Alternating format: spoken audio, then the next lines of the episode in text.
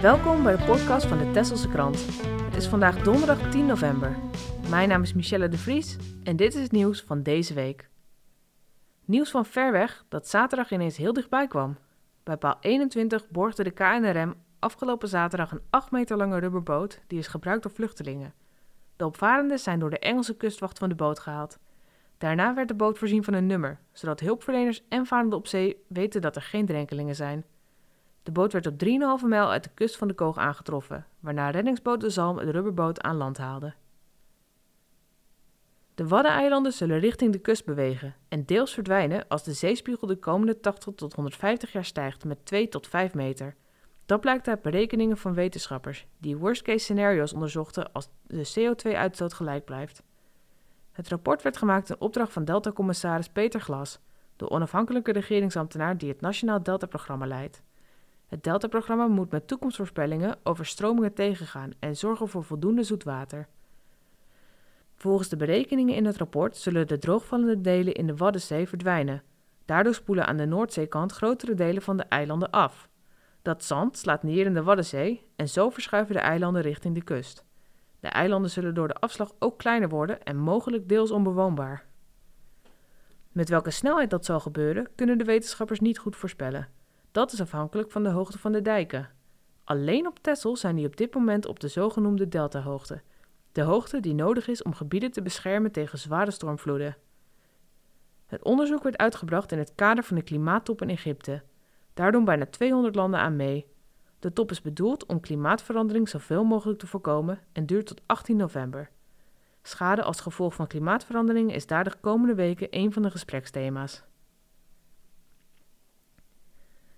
Zaterdag wordt in Kaapskeel de tentoonstelling Palmhoutwrak geopend voor genodigden. Vanaf zondag is iedereen welkom. Naar de tentoonstelling wordt al jaren rijkhalsend uitgekeken. Tesselse duikers vonden in 2014 exclusieve en unieke objecten in het 17e-eeuwse palmhoutwrak. Ze vonden onder andere een puntgave zijden jurk van koninklijke allure. Het werd wereldnieuws. Daarna werd de fonds nauwkeurig onderzocht en er werd onderzoek gedaan naar conservering. De objecten worden tentoongesteld in op maat gemaakte, zuurstofvrije vitrines die speciaal voor het museum ontworpen zijn en die nog nergens anders in de wereld worden gebruikt. Artistiek directeur Corina Hordijk kijkt uit naar de opening. We zijn enorm trots en blij dat de jurk en vele andere spectaculaire vondsten uit het palmhoutwrak vanaf zondag permanent te zien zijn in Museum Kaapskil. De vondsten zijn wereldwijd uniek. Dat maakt het des te specialer ze te kunnen tonen, zo dicht bij de plek waar ze zijn gevonden, waar ooit de reden van Tessel was. In onze tentoonstelling bieden we plaats aan de aspecten die hierbij komen kijken. Het duiken, het onderzoek en natuurlijk de verbeelding die zo'n mysterieuze jurk oproept. En niet alleen de jurk. Morgen onthullen we iets heel bijzonders dat pas recent is ontdekt. De collectie was al heel speciaal en daar kunnen we nog weer een schepje bovenop doen. We hebben enorm zin in dit nieuws en vanaf zondag de bijzondere vondsten eindelijk te kunnen delen met iedereen die ze zelf wil zien. Komt alle kijken dus. Nul op de rekening. Dat is wat je zou verwachten bij nieuwbewoningen in deze tijden van energieschaarste. Maar voor de appartementen op de plek van Jelleboog in de Burg en voor de Korf 3 in de Koog gaat dat helaas niet op.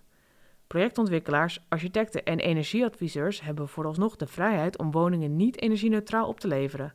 Zo is bij de Korf 3 niet gekozen voor zonnepanelen, terwijl er op het dak wel voldoende ruimte is om ze aan te brengen. De gemeente kan het helaas nog niet afdwingen. Zodra een pand voldoet aan de minimale voorwaarden van een bouwbesluit, kan een omgevingsvergunning niet geweigerd worden. De eisen zijn inmiddels strenger geworden dan toen de vergunning voor de Korf 3 werd verleend, maar het bouwbesluit waar het tegenwoordig wordt getoetst stamt ook alweer uit 2012. Het is vervolgens aan verenigingen van eigenaren om aanvullende maatregelen te nemen. De toekomstige bewoners van de Korf hebben inmiddels besloten zelf dan maar zonnepanelen te laten plaatsen. Hetty Koger, de moeder van een van de toekomstige bewoners, heeft het euvel bij de gemeenteraad onder de aandacht gebracht. Zij vindt dat er leerling getrokken moet worden uit deze situatie, zodat gemeenten en bewoners bij de nog op stapel staande nieuwbouw al in een vroeg stadium kunnen zorgen voor energieneutraliteit. Restaurant Het Kookatelier verbouwt op Oost en is daarom zes maanden dicht. Maar chef Joram Timmerman kookt door in Bar Bistro in Den Burg. Het idee ontstond toen Joram en zijn partner Valerie Jongeneel bij Bruut gingen dineren. De chef-kok van Bruut bleek een andere weg in te gaan. Was een vacature ontstaan en koks zijn niet makkelijk te vinden op dit moment. De bistro op de eerste verdieping behoudt de huiskamersfeer van gastheer Hans Kreeft en de gerechten van hoge kwaliteit met bijpassende wijnen. Maar van het Franse thema wordt voorlopig afgestapt. Het kookatelier blijft dicht bij zichzelf en neemt zijn Noordic cuisine mee naar Den Burg. Mede-eigenaar Valerie vertelde ons wat er verwacht kan worden. Verwacht geen ouderwetse Franse keuken, maar frisse, moderne gerechten op bistrowijze eigenlijk geserveerd, waarin nog steeds de natuur het hoogste en het laatste woord heeft. Dit keer geen verrassingsmenu, maar een kleine à la carte kaart met allerlei guilty pleasures omgetoverd tot smakelijke en bewuste gerechten. Krachtige smaken, samen zijn, genieten, goede gesprekken, een lekkere bus en mooie wijnen. Dat is wat wij Den Burg deze winter willen bieden. Dan een vooruitblik naar de krant van vrijdag. Onze verslaggever Jeroen van Hattem ging naar de hotelboot in de haven van Oude Schild om van de bewoners te horen hoe ze het leven op Texel ervaren. Het is een prachtig stuk geworden dat een inkijkje geeft in de levens, de dromen en de zorgen van onze nieuwste inwoners. Hij sprak onder andere met lerares Livia, die prachtige kleren maakt en bij Hotel Greenside werkt. Met Olena, die bij de Bolder aan de slag kon. En met George uit Nigeria, die medicijnen studeerde in Kiev en dat nu in de avonturen online voortzet. Overdag werkt hij bij Café Mans. Hij sprak ook met Igor, die op zee aan het werk was toen zijn stad werd gebombardeerd en zo op Texel terechtkwam. Vrouwen en kinderen konden gelukkig ook vertrekken uit de havenstad, maar zijn zoon mocht de grens niet meer over. Dat geldt voor alle meerderjarige mannen, zo vertelde hij aan Jeroen. Gelukkig hebben ze nog contact met hem en is hun huis nog intact. Igor wil graag terug naar Oekraïne zodra dat weer mogelijk is. Van harte aanbevolen dus. U leest het volledige stuk morgen in de krant. En dan sport. Kinderen uit de groepen 6, 7 en 8 kunnen vanaf komende dinsdag gratis een aantal sporten uitproberen met de jeugdsportpas. Ze kunnen onder andere basketballen bij de Marels, volleyballen bij Tevoco en klimmen onder begeleiding van Geert Aarts. Meer informatie is te vinden via Sportstichting Tessel op www.sportstichtingtessel.nl/slash jeugdsportpas.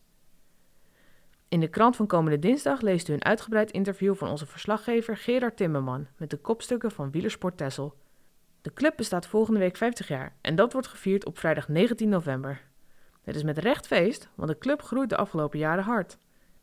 Veel meisjes zijn gaan fietsen door de zichtbaarheid en het succes van Denise Betsema. En toen de coronamaatregelen nog van kracht waren, zijn veel teamsporters overgestapt op wielrennen en mountainbiken.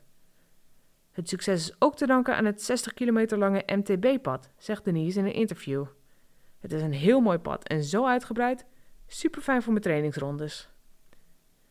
Meer daarover dus in de krant van dinsdag. Dat was het voor vandaag. Volgende week zijn we er weer. De Tesselse krant verschijnt twee keer per week en staat steeds boordevol nieuws, reportages en achtergronden. Neem ook een abonnement op de lokale krant van Tessel. Kijk op www.tesselsecourant.nl voor de mogelijkheden. Bellen kan natuurlijk ook tijdens kantooruren op nummer 0222 362 600.